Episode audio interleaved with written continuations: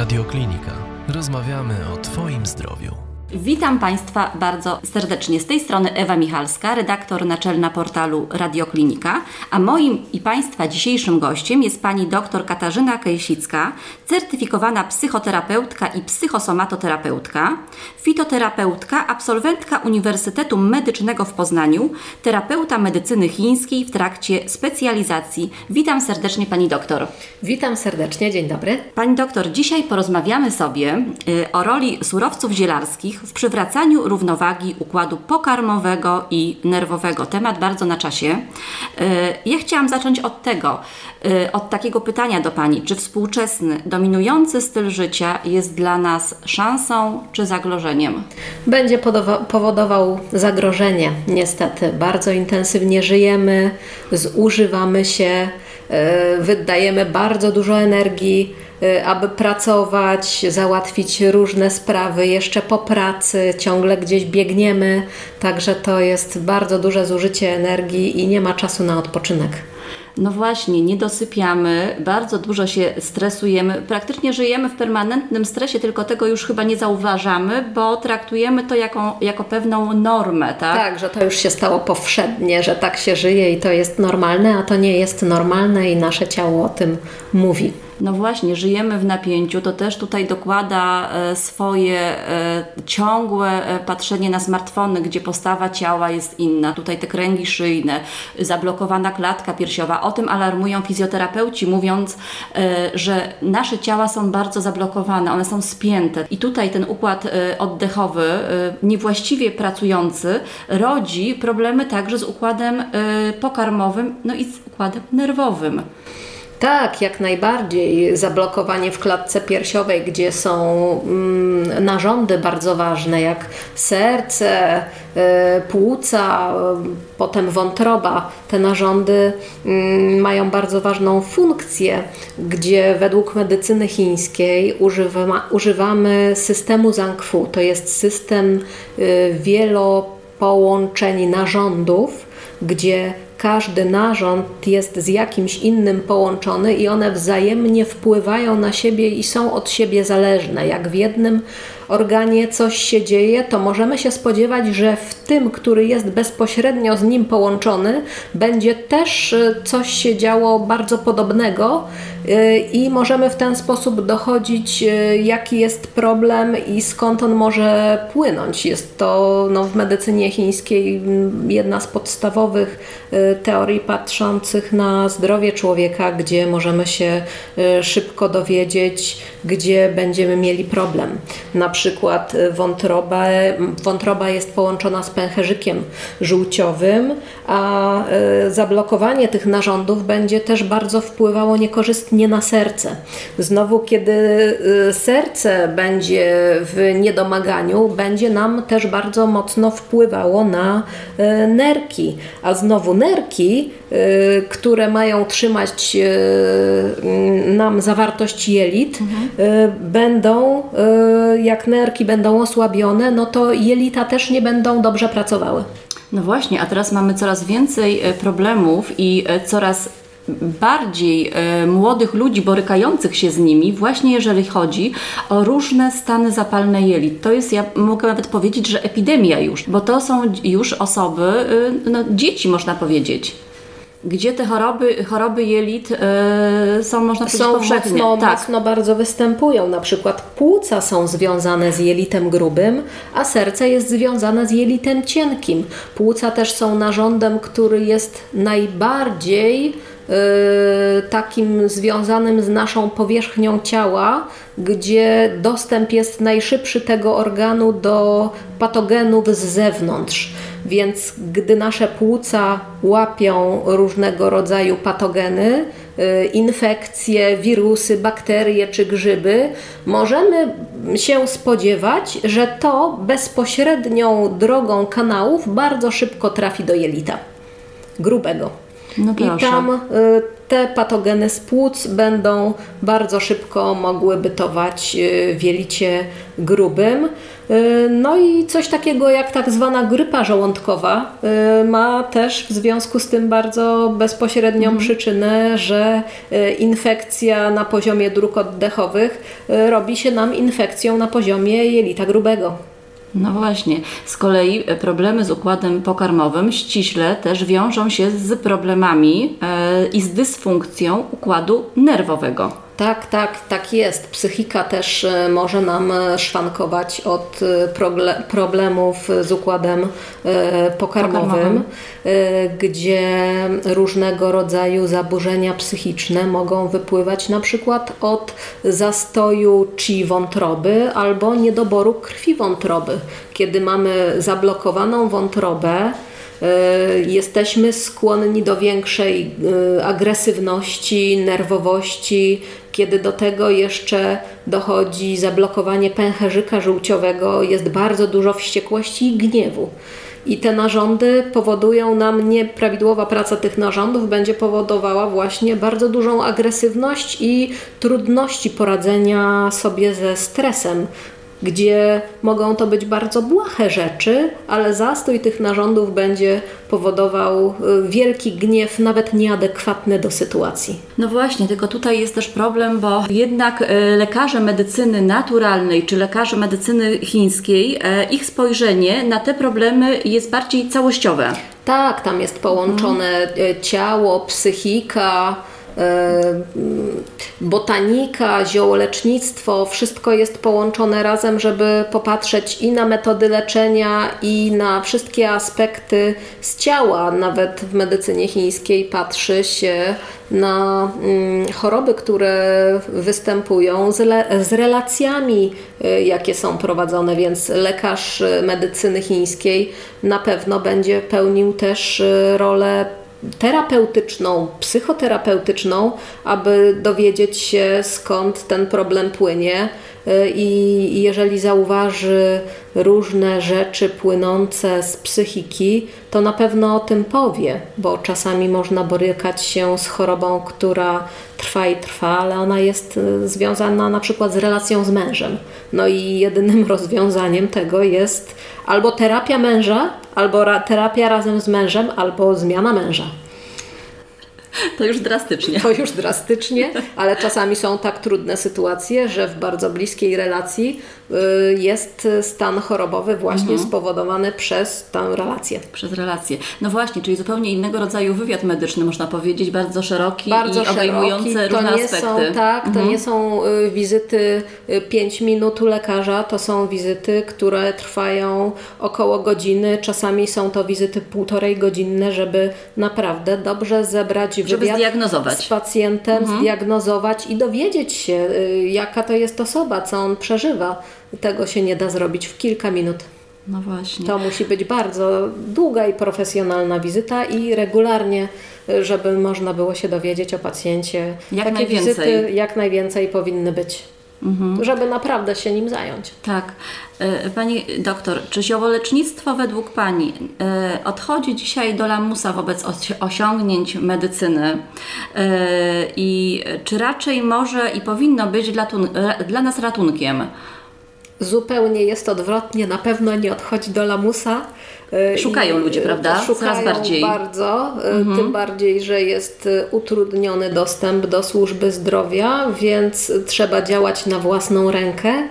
No i faktycznie do lamusa na pewno nie przejdzie, bo ostatnie dwa lata pokazały, że to jest rozkwit i renesans ziołolecznictwa, jakiego dawno nie było. Y, Większe zainteresowanie, jest prawda, też? Dużo większe. Widać, jak ustawiają się kolejki wręcz do sklepów zielarskich, y, aby kupić różnego rodzaju produkty, a czegoś takiego naprawdę dawno nie widziałam. Rozwijają się różnego rodzaju firmy, instytuty związane z ziołolecznictwem i ta branża zaczyna bardzo prężnie działać, zresztą też medycyna chińska niedawno została uznana jako y, naukę przez y, WHO i y, taką uniwersytecką, akademicką, więc też jest to duży ruch w kierunku integrowania naturalnych metod leczenia, a nie tylko taka klasyczna medycyna zachodnia akademicka. Znaczy to się powinno w sumie łączyć, powinno być zintegrowane powinno i faktycznie, zintegrowane. I, i, faktycznie WHO nawet ma taki program e, zakładający integrację tych dwóch e, e, sposobów leczenia i patrzenia na zdrowie człowieka. Tylko no, za tym też musi, musi iść jakby przekonanie e, o słuszności tej drogi, drogi wśród lekarzy, prawda? Bo bez tego niestety wiele nie zdziałamy. Tak, lekarze powinni mieć większą świadomość i w ogóle chęć nauki e, E, tak. innych systemów niż tylko e, no, taka leczenie czystą farmacją chemiczną. Mhm. A zastosowanie ziołolecznictwa no, w branży medycznej za bardzo faktycznie odeszło do lamusa, ale nie wśród myślenia ludzi na szczęście. No właśnie, na szczęście tak, Polacy kultyw- kultywują te tradycje, zresztą w Polsce też są uniwersytety, tam gdzie Pani kończyła Uniwersytet Medyczny w Poznaniu ma znakomity wydział e, fitoterapii, prawda, to jest Pani profesor, Y, Pani profesor Matławska Pani po- i profesor pani Matławska, profesor tak. Bylka. mhm. To obie panie profesor prężnie działają na Uniwersytecie Medycznym w Poznaniu, aby propagować y, w Polsce ziołolecznictwo i zwracać na nie szczególną uwagę. No to są panie profesor właśnie farmaceutki, które y, no, dużą rolę w polskim ziołolecznictwie odgrywają. Odgrywają, tak. Y, A jak jest w ogóle z jakością ziół w Polsce? Bo to jest taki temat, tak, no, y, mówi się dużo, że żyjemy w kraju bardzo zanieczyszczonym, że no, też uprzemysłowionym coraz bardziej. E, Gdzie szukać ziół dobrej jakości i w ogóle e, e, nawet jeżeli nie samemu zbierać, to na co patrzeć, e, chcąc właśnie kupić dobrej jakości zioła? Na pewno warto starać się y, poszukiwać y, ziół, które mają status leku, są produktem leczniczym. Wtedy wiemy, że te zioła wielokrotnie od zakupu od producenta do wypuszczenia ziół w torebce są około 8 razy badane, y, czy ich skład, czystość biologiczna, czystość chemiczna czy te wszystkie parametry się zgadzają i to byłoby takim pierwszym punktem, y, żeby zakupować zioła, właśnie produkt leczniczy, zioła jako produkt leczniczy. Y, No i jeżeli chodzi o jakość, to nawet wcale nie są złe nasze zioła polskie.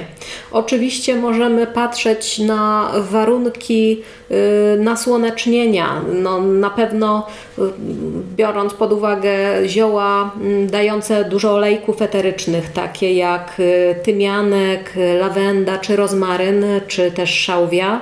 Mm, Tam, gdzie jest więcej słońca, Turcja, Egipt, Grecja, tymianek będzie miał większą wartość, będzie miał większe, y, więcej zawartości y, tymolu czy karwakrolu niż u nas ze względu na bardzo duże nasłonecznienie i możliwość i potencjał wytworzenia się tych związków e, w słońcu. U nas, jeżeli nie będzie zbyt duże, dużo słońca albo będzie lato bardziej zimne, nasz tymianek nie będzie e, miał tak dużo związków i tak e, dobrej jakości nie będzie miał jak ten e, przywieziony z Grecji. Ale pod względem czystości biologicznej może być bardzo dobrym surowcem. Wtedy należałoby użyć więcej do receptury takiego naszego polskiego tymianku niż tymianku z Egiptu czy z Turcji. Mhm. A jeżeli znamy się na ziołach, chcielibyśmy je zbierać, e, to w jakich obszarach możemy je w Polsce zbierać? Tak? Bo ja pamiętam e, kiedyś naszą e, rozmowę przy okazji warsztatów, które Pani prowadziła, że e, zioła najlepiej zbierać przynajmniej 30 km, jeżeli dobrze pamiętam, od miasta.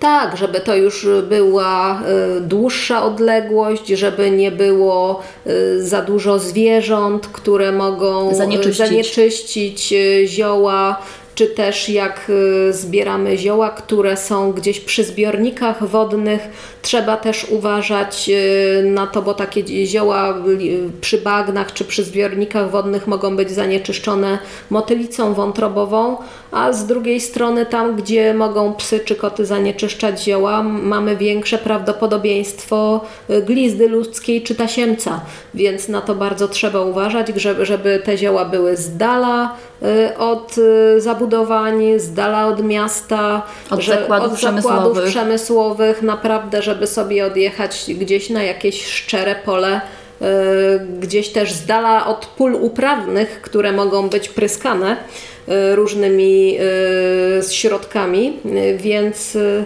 taki czysty teren, gdzieś jakieś y, polanki przy lesie, dalej, gdzie faktycznie mało kto tam chodzi. Lepiej nawet się udać na Mazury, na Kaszuby. No właśnie o to gdzieś chciałam daleko, spytać, Podlasie. podjechać Podlasie, żeby sobie samemu zioła zbierać. Tam będziemy mieć na pewno dobry surowiec Mhm. i taki surowiec będzie miał więcej mm, związków y, niż taki kupiony w sklepie zielarskim, bo często zioła kupowane w sklepie zielarskich są y, nie ze zbieractwa y, czy skupu ziół, bo tego w Polsce jeszcze są, tylko jest tego coraz mniej, ale po prostu są to plantacje y, różnych ziół, czy to plantacja jeżówki, y, plantacja tymianku, plantacja nagietka, plantacja mniszka i są to zioła już które przy ich hodowli mają mieć określoną zawartość substancji czynnych i ten rolnik y, ma tak kontrolowa- kontrolowaną uprawę, że będzie wiedział,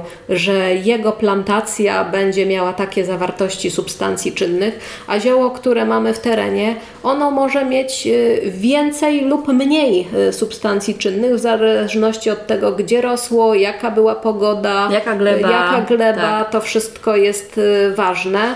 No ale to jest też bardzo przyjemne zerwać swoje zioła, zebrać, poszukać, y, mieć swoją roślinkę. Na pewno inny, inaczej to jest niż y, z hodowli, z uprawy. Mamy większy taki energetyczny i psychiczny kontakt z tą rośliną i ona może też nam nawet lepiej służyć. Także ja bym była za tym, żeby szukać swoich ziół, jak y, mamy taką możliwość y, i żeby się z nich ucieszyć, zbierać mieć dobrą intencję przy zbieraniu tych ziół, żeby nam pomogły, żeby nam y, służyły i żeby do naszego ciała też się dostosowywały i żeby wiedziały, jak mają pomóc, bo zioła faktycznie mają taką wiedzę, że y, w zależności od tego, co nam jest, wiele ziół się będzie dostosowywało. Albo będą dla nas bardziej ogrzewające, albo bardziej ochł- ochładzające. Mają takie możliwości y, zetknięcia się z ciałem, aby tak funkcjonować, jak do tego ciała jest potrzeba. Mhm. E, Bardzo dobrze też działają różnego rodzaju mieszanki, prawda? Bo to o tym też mówiliśmy podczas warsztatów. Ja tak nawiązuję, proszę Państwa, do tych warsztatów. Pani Katarzyna, pani doktor Katarzyna Kęsicka organizowała jakiś czas temu warsztaty zielarskie w terenie, gdzie chodziliśmy właśnie wśród pól i lasów i zbieraliśmy zioła jadalne. To była fantastyczna przygoda. Mam nadzieję, że zorganizuje Pani albo wspólnie razem zorganizujemy kolejne tego typu warsztaty. E, I Na wtedy będzie. wiosnę myślę, że uda nam się to zrobić, że czas pozwoli, żeby Tak. zorganizować e, te warsztaty, bo jesień do, bardzo mocno zabiegana była, więc już się kolejne y, nie zorganizowały, ale Tak. jest kolejny sezon przed nami. Tak, i wtedy zaprosimy z wielką radością Państwa do uczestnictwa, bo naprawdę, naprawdę warto. E, e, Pani Kasiu, e, ja chciałam się jeszcze spytać, wracając do tematu układu pokarmowego i nerwowego, czy zioła mogą skutecznie wspomagać działanie tych układów, wpływać po prostu na proces trawienia, na redukcję stresu, na bezsenność, i jakie zioła, y, po jakie zioła powinniśmy sięgać i czy Czy są to pojedyncze zioła, czy na przykład preferuje Pani różne mieszanki ziołowe? Bardziej bym preferowała mieszanki ziołowe. Mm, Razem zioła w parze będą mocniej działały i uzupełniały swoje y, właściwości. Mm, Wiadomo, że mieszankę ziołową y, najlepiej skonstruuje osoba, która się na tym zna. Właśnie, żeby- bo to też nie wszystkie zioła nie razem się wszystkie nadają. Mhm. zioła się nadają i y, możemy, mm, nie wiedząc, y, jak y, dane zioła funkcjonują, zmieszać takie zioła, które będą się wykluczały y, ze Mhm. sobą i nie uzyskamy odpowiednich właściwości. Znowu pojedyncze zioła są bardzo dobre do krótkiego stosowania, albo żeby sobie wypić jedną czy dwie szklanki herbatki y, z pojedynczego zioła raz Mhm. na jakiś czas ale one nie będą miały takich walorów y, mocno dla nas y, terapeutycznych, no bo niektórych ziół nie możemy y, bardzo długo pić. Na przykład ziele piołunu w takim stosowaniu jako herbatka pojedyncza dobre by było na dwa tygodnie, ale y, no niespecjalnie dłużej w samodzielnej formie, no bo jest tam tujon, który jest toksyczną substancją y, i może źle wpływać na naszą wątrobę, ale pion już stosowany y, z innymi składnikami, czy na przykład z szałwią, y, czy y, z mierznicą, czy też jeszcze nawet i z głogiem mógłby być już ciekawą mieszanką, która będzie nam pomagała na serce, na żołądek, na wątrobę i można by było już uzyskać lepsze właściwości dzięki temu i postosować taką recepturę nawet i miesiąc.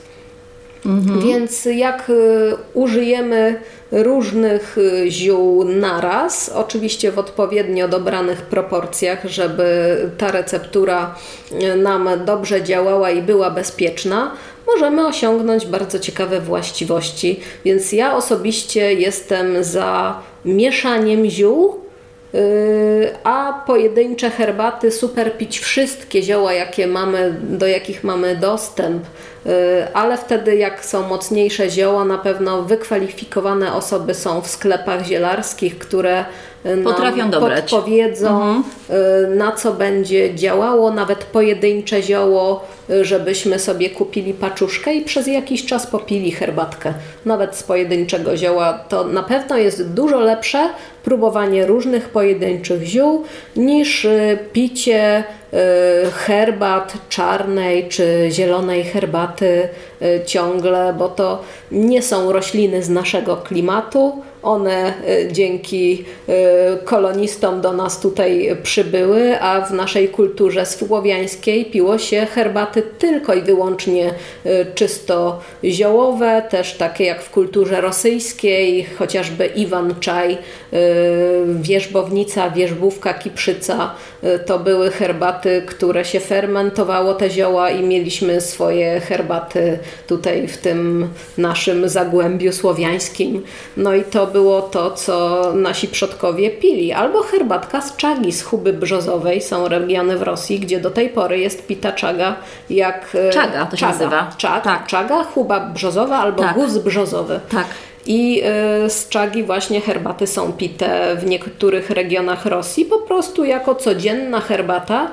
Y, i te tereny, ci ludzie, którzy mieszkają właśnie na tych terenach Rosji, gdzie się czagę regularnie pije, to są regiony syberyjskie, y, mają dobre zdrowie i nie chorują na nowotwory, bo czaga jest bardzo dobrą substancją przeciwnowotworową, więc zamiana czagi, chociażby y, herbaty Czarnej na przykład, herbaty na cza- czarnej czy zielonej na czagę byłaby bardzo dobrym y, pomysłem i y, no, smakuje jak, trochę jak kawainka No proszę. i też tak wygląda.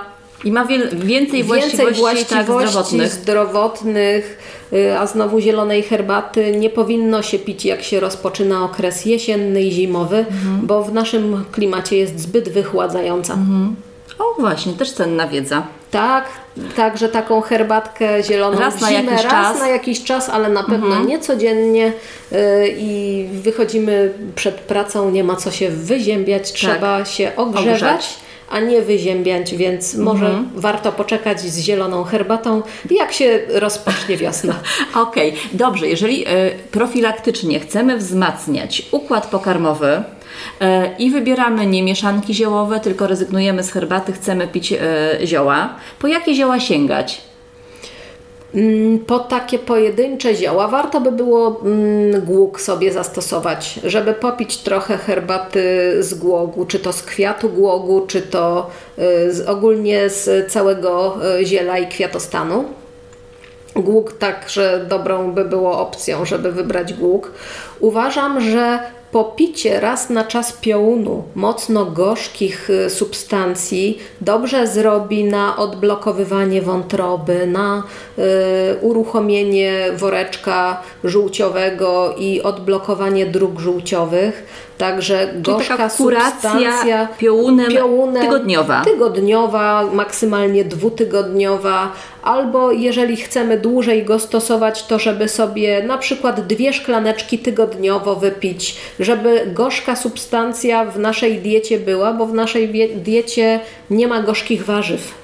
Nie mamy goryczy, a ten smak gorzki jest potrzebny i dla naszej wątroby, ale też i dla naszego serca. Więc y, bez gorzkiej substancji nie będziemy dobrze funkcjonować. Z gorzkich substancji mamy jeszcze bylice Boże Drzewko albo liść bobrka, y, także warto y, zastosować. Y, Też ciekawym rozwiązaniem dla takiego popijania pojedynczych ziół byłyby różnego rodzaju płatki i kwiaty. Płatki i kwiaty różnych roślin, niezależnie jakie one są, mają potencjał mocno przeciwzapalny.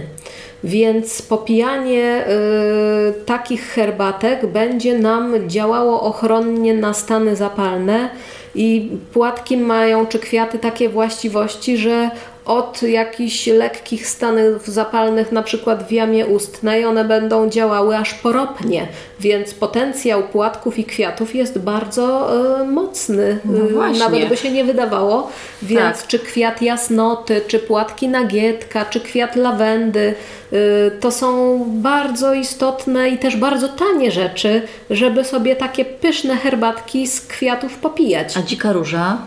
Y, Z płatki Tak, płatki. będą bardzo dobrze działały na krążenie. Będą po, y, powodowały lepszy przepływ y, krążenia.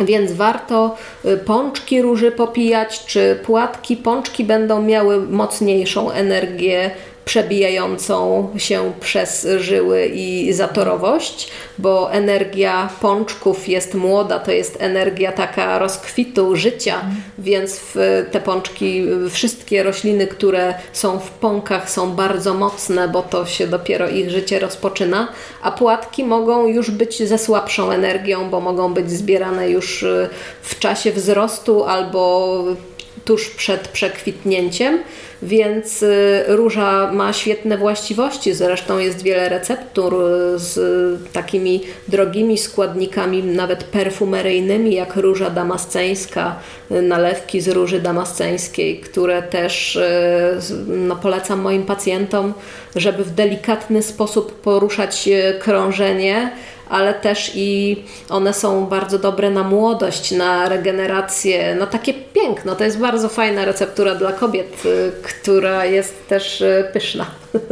No właśnie, płatki poza tym e, na przykład jeszcze aceroli, prawda? Kwiaty aceroli.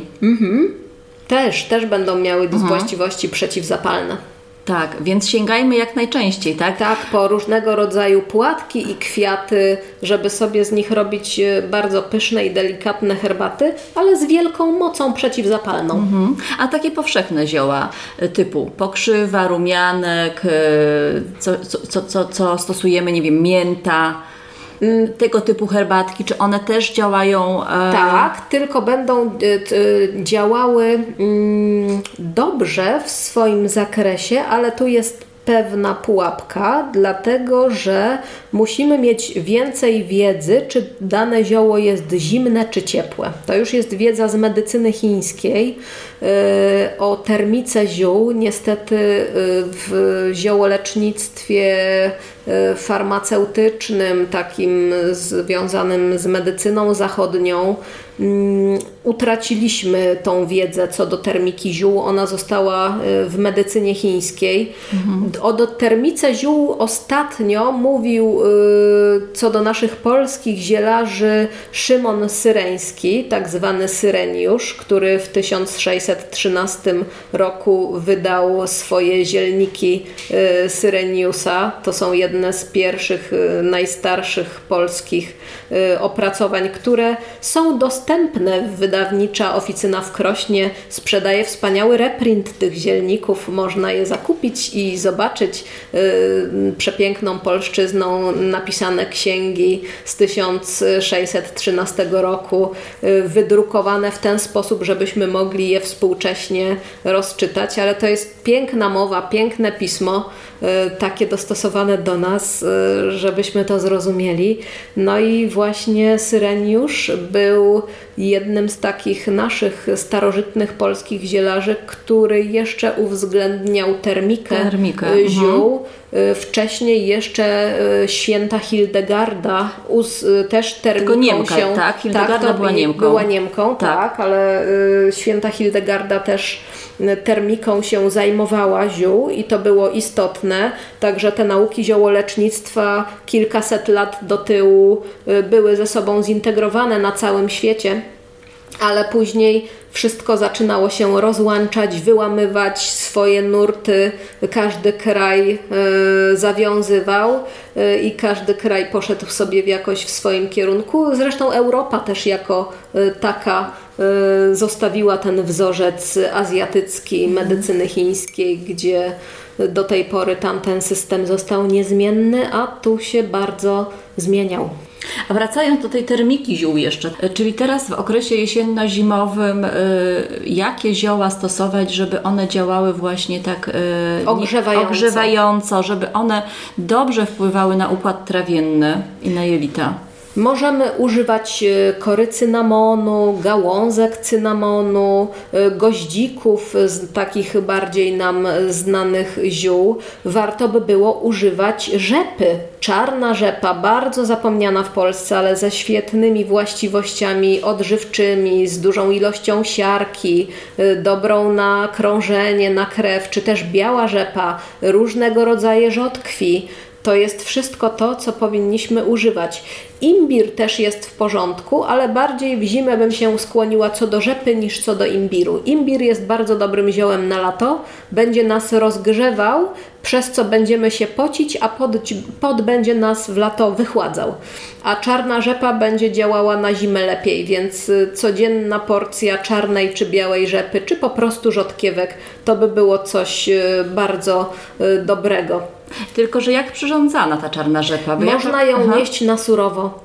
Po, można po prostu ją schrupać e, na surowo, będzie wtedy miała najwięcej swoich właściwości e, i ta ostrość w niej pozostanie. Można ją polać sobie, tak jak ja na przykład robię, polewając ją świeżo wytłoczonym olejem na przykład z czarnuszki, co jeszcze zwiększy jej ostrość. I potencjał ale, przeciwzapalny, i po, prawda? Tak, potencjał przeciwzapalny, no jak kto lubi, yy, ale taka rzepka polana, pomaczana w oleju, to jest coś, co mi bardzo odpowiada.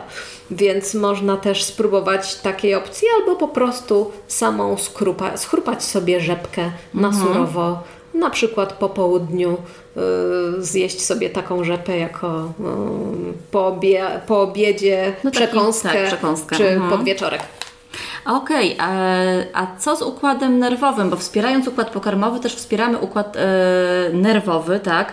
I jakie tutaj zioła by się sprawdziły też jako takie wsparcie w takich stanach lękowych, stanach, w stanach e, no, lekko depresyjnych, tak? Bo już nie wchodzimy tutaj mhm. w depresję głęboką, gdzie też e, no, w pewnym momencie wydaje mi się, że leczenie farmakologiczne e, powinno mieć swój udział w jakimś tam e, momencie. Zależy jaki to jest stan depresji, mhm. bo może być depresja spowodowana wyziębieniem i wtedy mamy bardzo dużo śluzu, jesteśmy yy, ospali, otępiali, nie za bardzo mm, w takiej aktywności jesteśmy dobrzy. I e, wtedy depresję powinno się leczyć poprzez ogrzanie ciała, poprzez ogrzanie różnych narządów i poprawienie krążenia. I wtedy możemy mm, spodziewać się efektu większego ożywienia, rozmrożenia tego ciała. Więc zależy, jak ta depresja nam się ukształtowała i co jest jej powodem, bo nie wszystkie depresje y, są takie same. I wiele mm, zaburzeń depresyjnych czy zaburzeń lękowych jest spowodowana mm, ciałem, a nie stanem psychicznym. Może być spowodowana zastojami, może być y, na przykład wątroby, czy też y, złym przepływem żółci. Może być spowodowana właśnie śluzem, jak ktoś je bardzo dużo wychładzających produktów, Czyli? takich jak pomarańcze, jogurty, opija się zieloną herbatą, mhm. nabiał y, je bardzo dużo przetworzonej żywności, wtedy nie będzie dobrze pracowała śledziona. Cukier. Y, tak, jeszcze cukier też będzie zaburzał tę pracę i poprzez nieodpowiednie jedzenie będzie nam ten stan depresyjny wzrastał. Miałam w swoim gabinecie wielu takich pacjentów, gdzie przekształcając ich dietę, można było wyjść z tych stanów i to nie były wcale takie kliniczne stany depresyjne, tylko to były stany związane z nagromadzeniem śluzu, z wyczerpaniem, ze zmęczeniem, z nieodpowiednim jedzeniem i to było podwodem głównym depresji, depresji a nie no. depresją samą w sobie. No tak, jeszcze takie stany, które są przewlekłe, kiedy z tym problemem nic nie robimy, one narastają. Tak, i możemy mieć y, przewlekłe, nieustanne wzorce wyczerpania albo zawilgocenia ciała, z których ciało już nie może się wybić. Jeszcze jak do tego dojdzie więcej gorąca w konstytucji takiej osoby, która ma więcej gorąca i na to nam się nałoży ten śluz, to yy, może się zrobić taki stan, który w medycynie chińskiej jest zwany gorącą wilgocią i to już jest dość niebezpieczny stan, dlatego jak mm, dołożymy jeszcze do gorąca wilgoć albo do wilgoci gorąco, to wtedy mamy mm, niestety możliwość, żeby objawiły nam się bardzo poważne choroby psychiczne. Czy to schizofrenia, czy to choroba afektywna dwubiegunowa, gdzie ten śluz po prostu w środku, w osierdziu zaczyna nam się gotować. I cała energia z zablokowania y, w dolnej części ciała na poziomie y, brzucha, na poziomie jelit, wątroby zaczyna nam uderzać do góry, to gorąco, z, z wilgoci i potem, potem ma to swój wpływ na działanie psychiki, na myśli, na rozbieganie Y, szaleńczość, nieuważność, czy też stany otępienne. No z tego, co Pani mówi, to wynika, yy, wynika to, że y, leki farmakologiczne, często leki bardzo silnie działające, one tłumią pewne objawy, a klub problemu nadal pozostaje nierozwiązany, tak? Bo jeżeli nie idzie za tym leczeniem farmakologicznym yy, zmiana żywienia. żywienia, to możemy się z tym problemem borykać długo i tak praktycznie z niego w ogóle nie wyjść. Dokładnie i może tak być do końca życia. Pacjenci Y, z schizofrenią, depresją, chorobą afektywną dwubiegunową, czy też lękami. To jest podstawą, żeby oni mieli prawidłową dietę, żeby oni wiedzieli, co mogą jeść, a czego jeść y, nie mogą. I tu tego typu pacjentów y, namawiałabym bardzo, żeby korzystali z dietetyków medycyny chińskiej, żeby byli też zdiagnozowani pod względem swojej konstytucji, tego, co dzieje się w ich ciele, żeby ktoś to profesjonalnie zobaczył, kto się na tym zna, co się dzieje z ich płynami wewnętrznymi, z krwią, z wilgocią, jakie mają zastoje, jakie mają niedobory, bo przy tego typu problemach psychicznych na pewno będzie bardzo dużo czy zastoju, czy nagromadzenia. Trzeba to wszystko bardzo sprawdzić, bo można by było ładnie wyprowadzić tego pacjenta, żeby nie tylko zajmować się farmakologicznie zatrzymaniem jego myśli.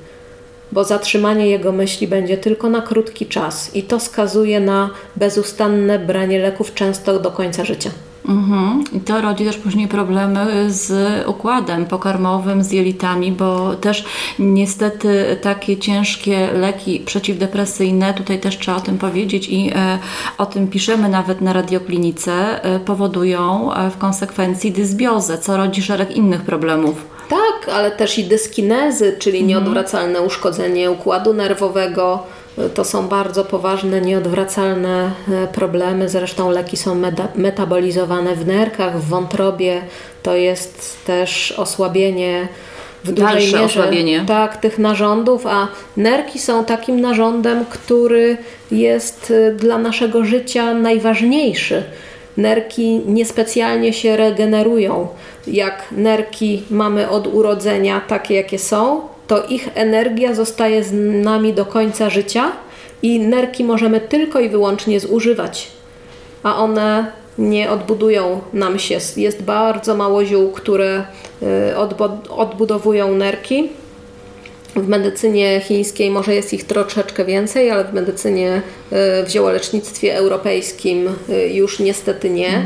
Y, No i jak będziemy nerki zużywać różnego rodzaju lekami, to myślę o nie tylko lekach psychiatrycznych, ale przeróżne leki, które się bierze przy przewlekłych schorzeniach, to ta siła nerek y, nam skraca Słabnie, życie, mhm. słabnie i to jest nie do zregenerowania. Jakim sposobem odżywiania wspierać te nerki? Nerki lubią ciepło. Można robić y, wszystkie- okłady na nerki, na przykład okłady solne z y, rozgrzane grube kawałki soli, sól gruboziarnista Tak. z przyprawami korzennymi, z cynamonem, z goździkami. Rozgrzewamy na patelni tę sól i y, wkładamy przyprawy korzenne, później możemy sobie tę sól włożyć do woreczka czy do poszewki od jaśka i takim okładem z tych gorących kawałków soli z, przy, z przyprawami możemy sobie ogrzewać nerki. To jest taki jeden ze sposobów bardzo prosty i tani w wykonaniu, aby y, sobie takie okłady Raz na solne jakiś czas. y, nawet można sobie robić taką serię zabiegów codziennych przez y, dwa tygodnie, żeby poprawić nam kondycję nerek. Też bardzo polecam moksowanie. A cóż to Y, jest? Moksowanie, myślę, że to byśmy mogły stworzyć e, z tego Osobny tematu temat. kompletnie osobny temat, ale zamierzam się, już przygotowuję intensywnie, żeby się tym profesjonalnie e, zająć. Potrzebuję właściwie jedynie tylko e, kozetki dla pacjentów, e, żebym mogła zająć się moksą. Moksa jest to e, zabieg z medycyny chińskiej, który polega na nagrzewaniu punktów akupunkturowych, a, i, i też różnych narządów, aby one lepiej pracowały, aby odblokowywać punkty akupunkturowe dla naszego lepszego funkcjonowania. Y, Są to zabiegi y, z ziół, gdzie mm, układa się dla pacjenta w zależności od y, zdiagnozowania jego problemów odpowiednie zioła y, i mm, w różnych punktach się stawia takie stożki z moksy, gdzie się je podpala. To jest jakaś świeca?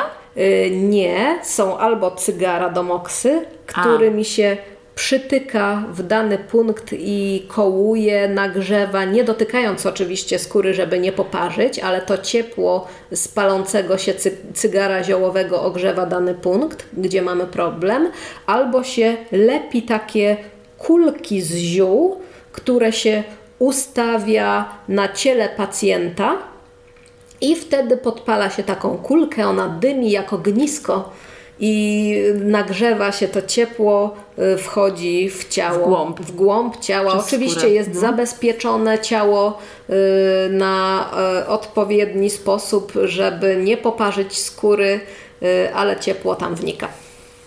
Więc takie zabiegi Takie też zabiegi, będą mhm. już niedługo dostępne w moim gabinecie. Wy? W, w, właściwie w trzech miejscach y, można mnie znaleźć w Gdańsku, na Mazurach w Działdowie i w Centrum Psychoterapii i Ziołolecznictwa Ziołoś pod Warszawą w miejscowości Łoś. Tutaj, gdzie właśnie się teraz spotykamy. Tak jest. E, Pani Kasiu, a jeszcze jeżeli chodzi o tą dietę, tak wspomniała Pani, czyli e, absolutnie wykluczamy żywność wysoko przetworzoną, rezygnujemy z cukru, rezygnujemy w okresie jesienno-zimowym e, z herbatek e, zielonych, lepiej też zrezygnować z herbaty czarnej na rzecz herbat Ziołowych. ziołowych, o których Pani wspominała. Uważamy na jogurty, sery, Czyli śmietany, mleko, cały nabiał uważamy w okresie y, zimowym, żeby jak najmniej takich produktów w zimę jeść.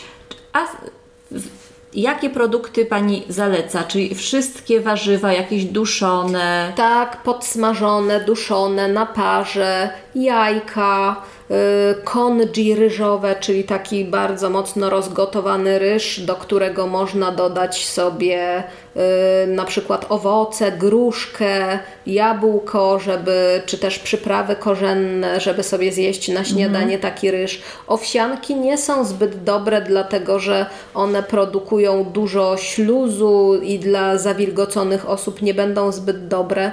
Warto się przerzucić na kaszę. Kasze dla zawilgoconych osób będą bardzo dobre, dlatego że one wchłaniają w siebie ten śluz z naszego organizmu, więc y, wszelkiego rodzaju kasze też będą ciepłe i ogrzewające nasz y, organizm. Tylko trzeba tutaj we wszystkim znaleźć sobie dobrych y, producentów tej żywności. No właśnie, bo jest problem z tą- z- no z właśnie, jakością tych Jest kasz, problem z tak? jakością, więc y, w niektórych miejscach y, są zakładane takie spółdzielnie, tak zwane, gdzie y, kilku na przykład sąsiadów udają się do rolnika, który będzie dla nich y, hodował różne rośliny. Oni będą odbierać od niego czy ziemniaki, czy warzywa, czy kasze. I taki rolnik ma z tego plus, że ma y, swoich Stałych, stałych, tak, klientów, klientów. wie, że te warzywa y, czy zboża sprzeda. A ludzie mają korzyść, bo wiedzą, że ta osoba nie będzie pryskała tych rzeczy i mm, one będą dobre. Tak, taką świetną kaszą jest na przykład kasza jaglana, prawda, na jesień i zimę. Tak, też będzie wchłaniała, y, wchłaniała w siebie wilgoć. y, Dobrze jest ją tak dłużej pogotować. W ogóle wszelkiego rodzaju zboża i kasze będą lepsze dla naszego układu pokarmowego, jak będą bardziej rozgotowane, jak nie będą takie twarde. Żebyśmy właśnie w takiej formie je zjadali, żeby nie obciążać naszego układu, Układu pokarmowego. pokarmowego. Nie każdy lubi takie rozgotowane rzeczy, ale y, no one będą lepsze i nie zmęczą tak naszego układu pokarmowego. No teraz wracają do łask i coraz bardziej są popularne e, kiszonki wszelkiego rodzaju, czyli kiszone warzywa, nie tylko kiszona kapusta, ale w ogóle wszelkiego rodzaju kiszonki, prawda, na okres tak, jesienno-zimowy. albo nawet kiszone cytryny. Tego jeszcze nie jadłam. Bardzo ciekawa rzecz. Widziałam ostatnio w markecie. Chociaż kiszony czosnek jadłam, kiszoną cebulę też, kiszone buraki bardzo mi smakowały. Kiszony czosnek niedźwiedzi też. Właśnie, a propos czosnku niedźwiedź, niedźwiedziego, to też jedna z takich, e, no można powiedzieć, przypraw i ziół e, bardzo działających też przeciwzapalnie Tak, tak. I regenerująco. i regenerująco, tak? On jest chyba pod e, ochroną w bardzo. Polsce. Jest pod ochroną, tak. Trudno go, trudno go znaleźć, e, trudno go kupić w ogóle, ale można go uprawiać w przydomowym ogródku. Można i wtedy można mieć swój. I wtedy można, problemu, tak, też że nas państw- ktoś złapie, że idziemy z czosnkiem z lasu. Właśnie, znaczy mam swój w ogródku, e, więc wiem, proszę Państwa, rośnie, można go zbierać, jest przepyszny, można robić pesto z czosnku niedźwiedziego. Wspaniała sprawa. Albo dodać do jajecznicy. Albo dodać do Też, jajecznicy. też ciekawy smak. Tak, tak. Pani doktor, y, natomiast wracając jeszcze do układu nerwowego y, i do wsparcia w takich stanach lękowych y, i generalnie tak dla naszego lepszego funkcjonowania, po jakie zioła warto sięgać? Można sięgnąć po szyszkę chmielu. Bardzo dobre zioło. y, Kojarzone y, z piwem, z piwem, głównie, a to tak, niekoniecznie. Ale szyszkę chmielu można sobie zaparzyć, można ją połączyć razem z kozłkiem lekarskim i już mamy taką mini recepturę z dwoma składnikami, która będzie działała bardzo uspokajająco. Wtedy tego typu recepturę, czy też herbatkę y, lepiej by było wypić na wieczór, nie jak mamy być aktywni od rana, żeby czy jeździć samochodem, bo to są substancje, które bardziej nas spowolnią y, i y, zrelaksują. ale możemy użyć na przykład y, werbeny, czy też mierznicy. To są też zioła takie wyciszające, uspokajające, zmniejszające palpitacje, uspokajające serce.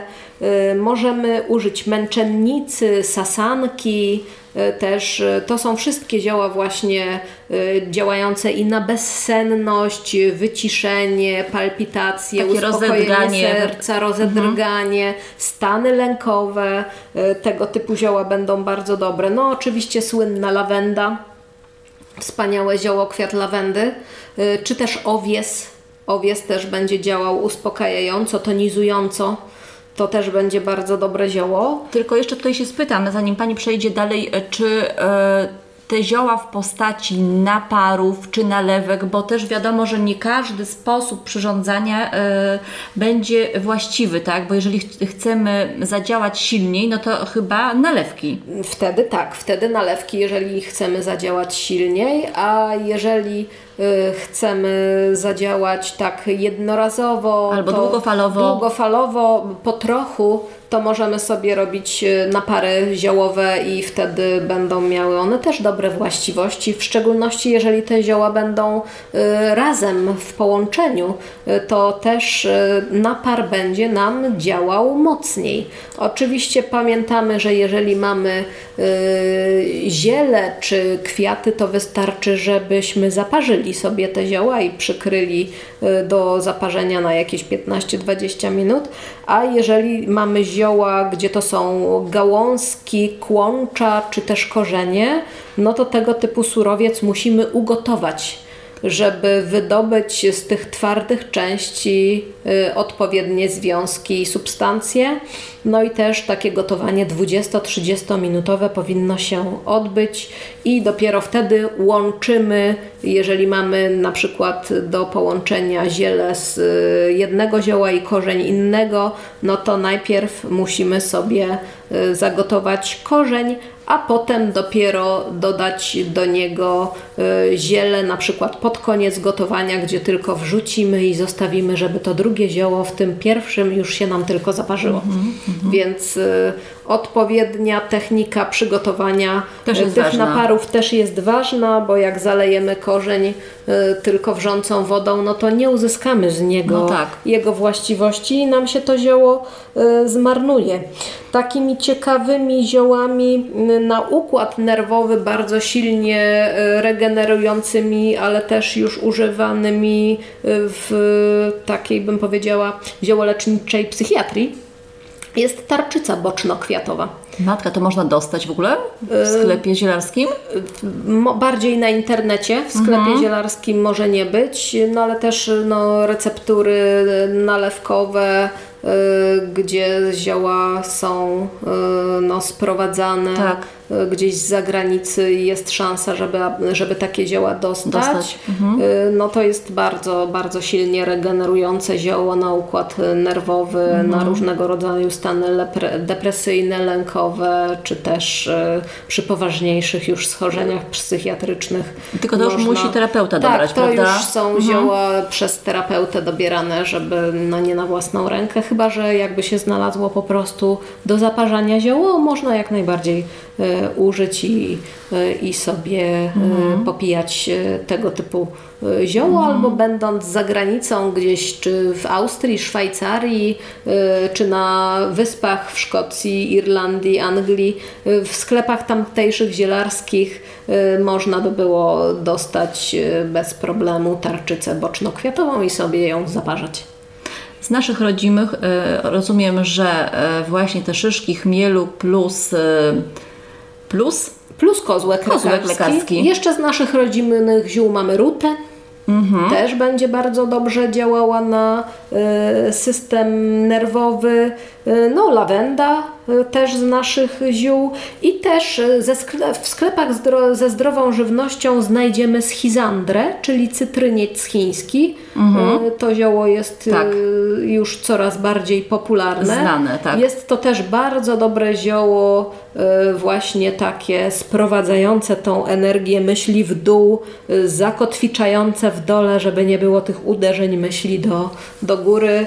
Y, Też to jest zioło kwaśne, y, a kwaśna substancja, substancja, tak jak i kwaszona kapusta czy ogórki, zdejmują złość. Jak ktoś jest zły, wściekły, to warto, żeby się napił kwasu z ogórków, czy z kapusty, czy też z chizandry, żeby mu ta złość odpuściła. No proszę, dobra receptura dla, Dla złośników dla złośników, tak. kwas. Kwas. Kwas poskramia złość. Pani doktor, a czy dla funkcjonowania dobrego układu pokarmowego i układu nerwowego, yy, bo wszystko przecież to jest jedna całość, powinno funkcjonować yy, spójnie i yy, w porozumieniu, wsparcie układu krwionośnego jest też bardzo ważne w tym wszystkim, w tych wszystkich naszych działaniach. Tak, tu I jest wsparcie serca. Tak, wsparcie serca jest ogromnie ważne, abyśmy dbali o y, jego dobrą wydolność, a jego dobra wydolność jest związana z krwią.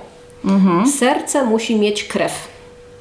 Jeżeli serce ma za mało krwi, y, to y, powoduje nam nadciśnienie.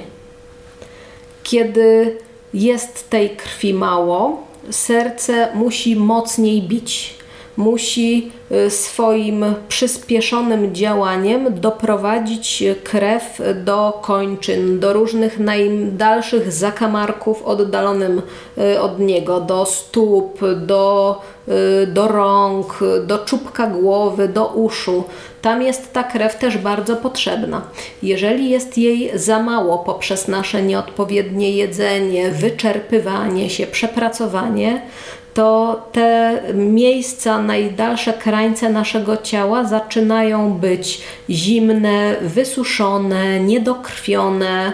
Yy, zaczyna nam słabnąć wzrok, zaczyna nam słabnąć słuch, właśnie yy, z niedokrwienia, no i pojawia się to nadciśnienie tętnicze, które yy, właśnie serce próbuje y, dolać tam krew poprzez szybkość pracy, bo jej po prostu nie ma. To jest pomysł serca na to, aby, y, aby do Jakoś tamtych sobie po- poradzić. poradzić sobie i możemy ustabilizować y, serce poprzez dokrwienie.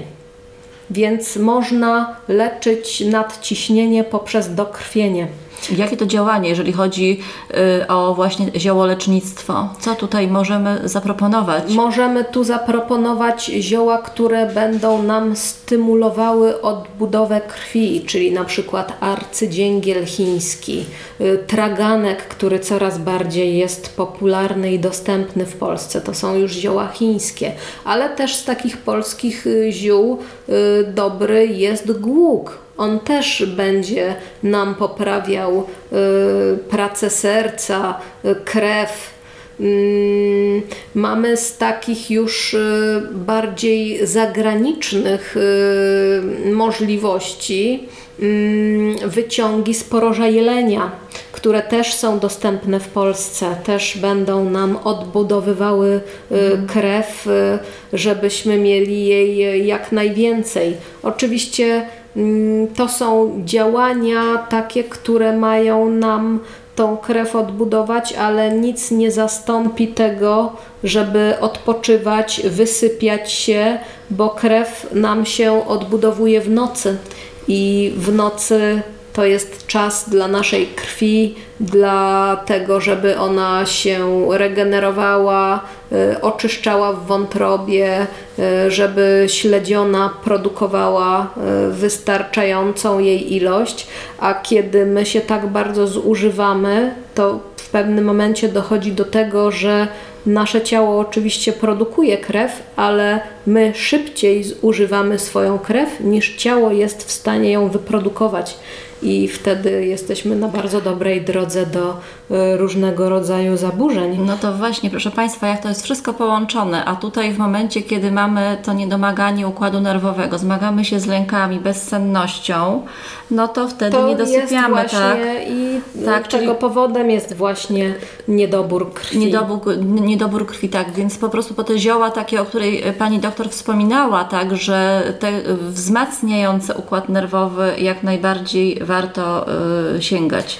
Kiedy serce jest y, przemęczone, ono też powoduje więcej gorąco, robi się jego nadmiarowość, a y, kiedy jest y, przeciążone, może się też i bardziej blokować, różnego rodzaju problemy kardiologiczne się tworzą, a jak problemy kardiologiczne, to takie też i psychiczne stany, jak jąkanie, choroby psychiczne, dysleksja, czy też trudności w nauce języków obcych, to są wszystkie objawy, które są spowodowane zablokowaniem serca i y, takim zużywaniem się serca. Mhm. Tak na koniec już podsumowując to wszystko, co powiedziałyśmy, co Pani powiedziała, y, jaką tutaj moglibyśmy dać taką y, radę, tak, jeżeli chodzi o właśnie taki styl życia i pewne działania, które możemy robić sami, codziennie po prostu? E, na pewno e, zmiana trochę stylu życia, prawda? Czyli oderwanie się, e, oderwanie się od tego, co rodzi w nas niepokój, co rodzi w nas lęk, co jest przyczyną stresu, unikanie tych sytuacji stresowych, na ile się to da, wysypianie się. Medytacja. Medytacja. Dużo odpoczynku. Ile ruchu na świeżym powietrzu. Ruchu, żeby odblokowywać zastoje. Y, I mega ważną rzeczą jest krew w medycynie chińskiej. Jest powiedzenie, że y, brak krwi jest matką tysiąca chorób. Oczywiście nie chodzi o te tysiąc chorób, tylko bardzo, bardzo wiele chorób. Więc y, jeżeli będziemy dbać o to, żebyśmy mieli dużo krwi, żeby nasze narządy ją produkowały, to możemy naprawdę bardzo wielu dolegliwości uniknąć. uniknąć. Pani doktor, bardzo dziękuję za tą pouczającą rozmowę. E, mam nadzieję, że będziemy wracać e, w kolejnych audycjach i poruszać e, inne ważne tematy.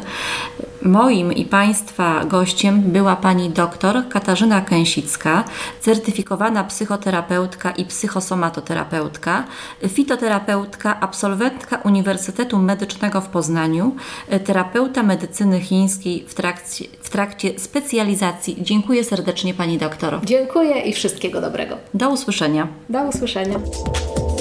Więcej audycji na stronie radioklinika.pl